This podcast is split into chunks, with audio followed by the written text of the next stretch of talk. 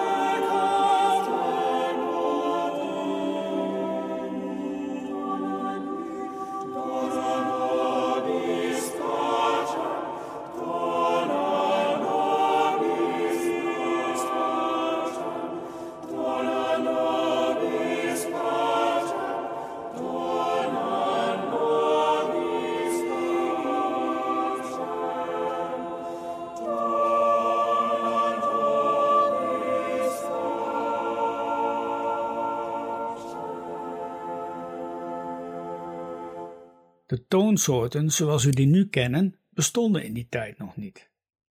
Tot in de 17e eeuw werd over het algemeen in hexakkoorden gedacht, een opeenvolging van zes tonen en niet toonladders die een octaaf omvatten.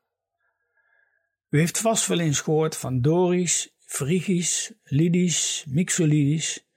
Dat zijn oude kerktoonsoorten en daarvan had je er dus vier en daarvan afgeleid nog vier plagale toonsoorten, aangeduid met hypo. In totaal ging het dus om acht toonsoorten die in de middeleeuwen ook genummerd werden, van eerste toon tot en met achtste toon. Het zojuist gehoorde deel uit de Missa Quinti stond dus in de vijfde toon. De muziek van die lasso stond voornamelijk in het teken van de kerkmuziek. En om dat te onderstrepen maakte Orlando een prachtige kanon met de tekst Muziek is een gave van de goede God. Musica est Dei donum optimi. Deze kanon is in het liedboek opgenomen als lied 862a. En u kunt het dus zelf meezingen. De opname die ik u laat horen is niet al te best, maar ik daag u uit om met uw koor of kantorij dat beter te doen.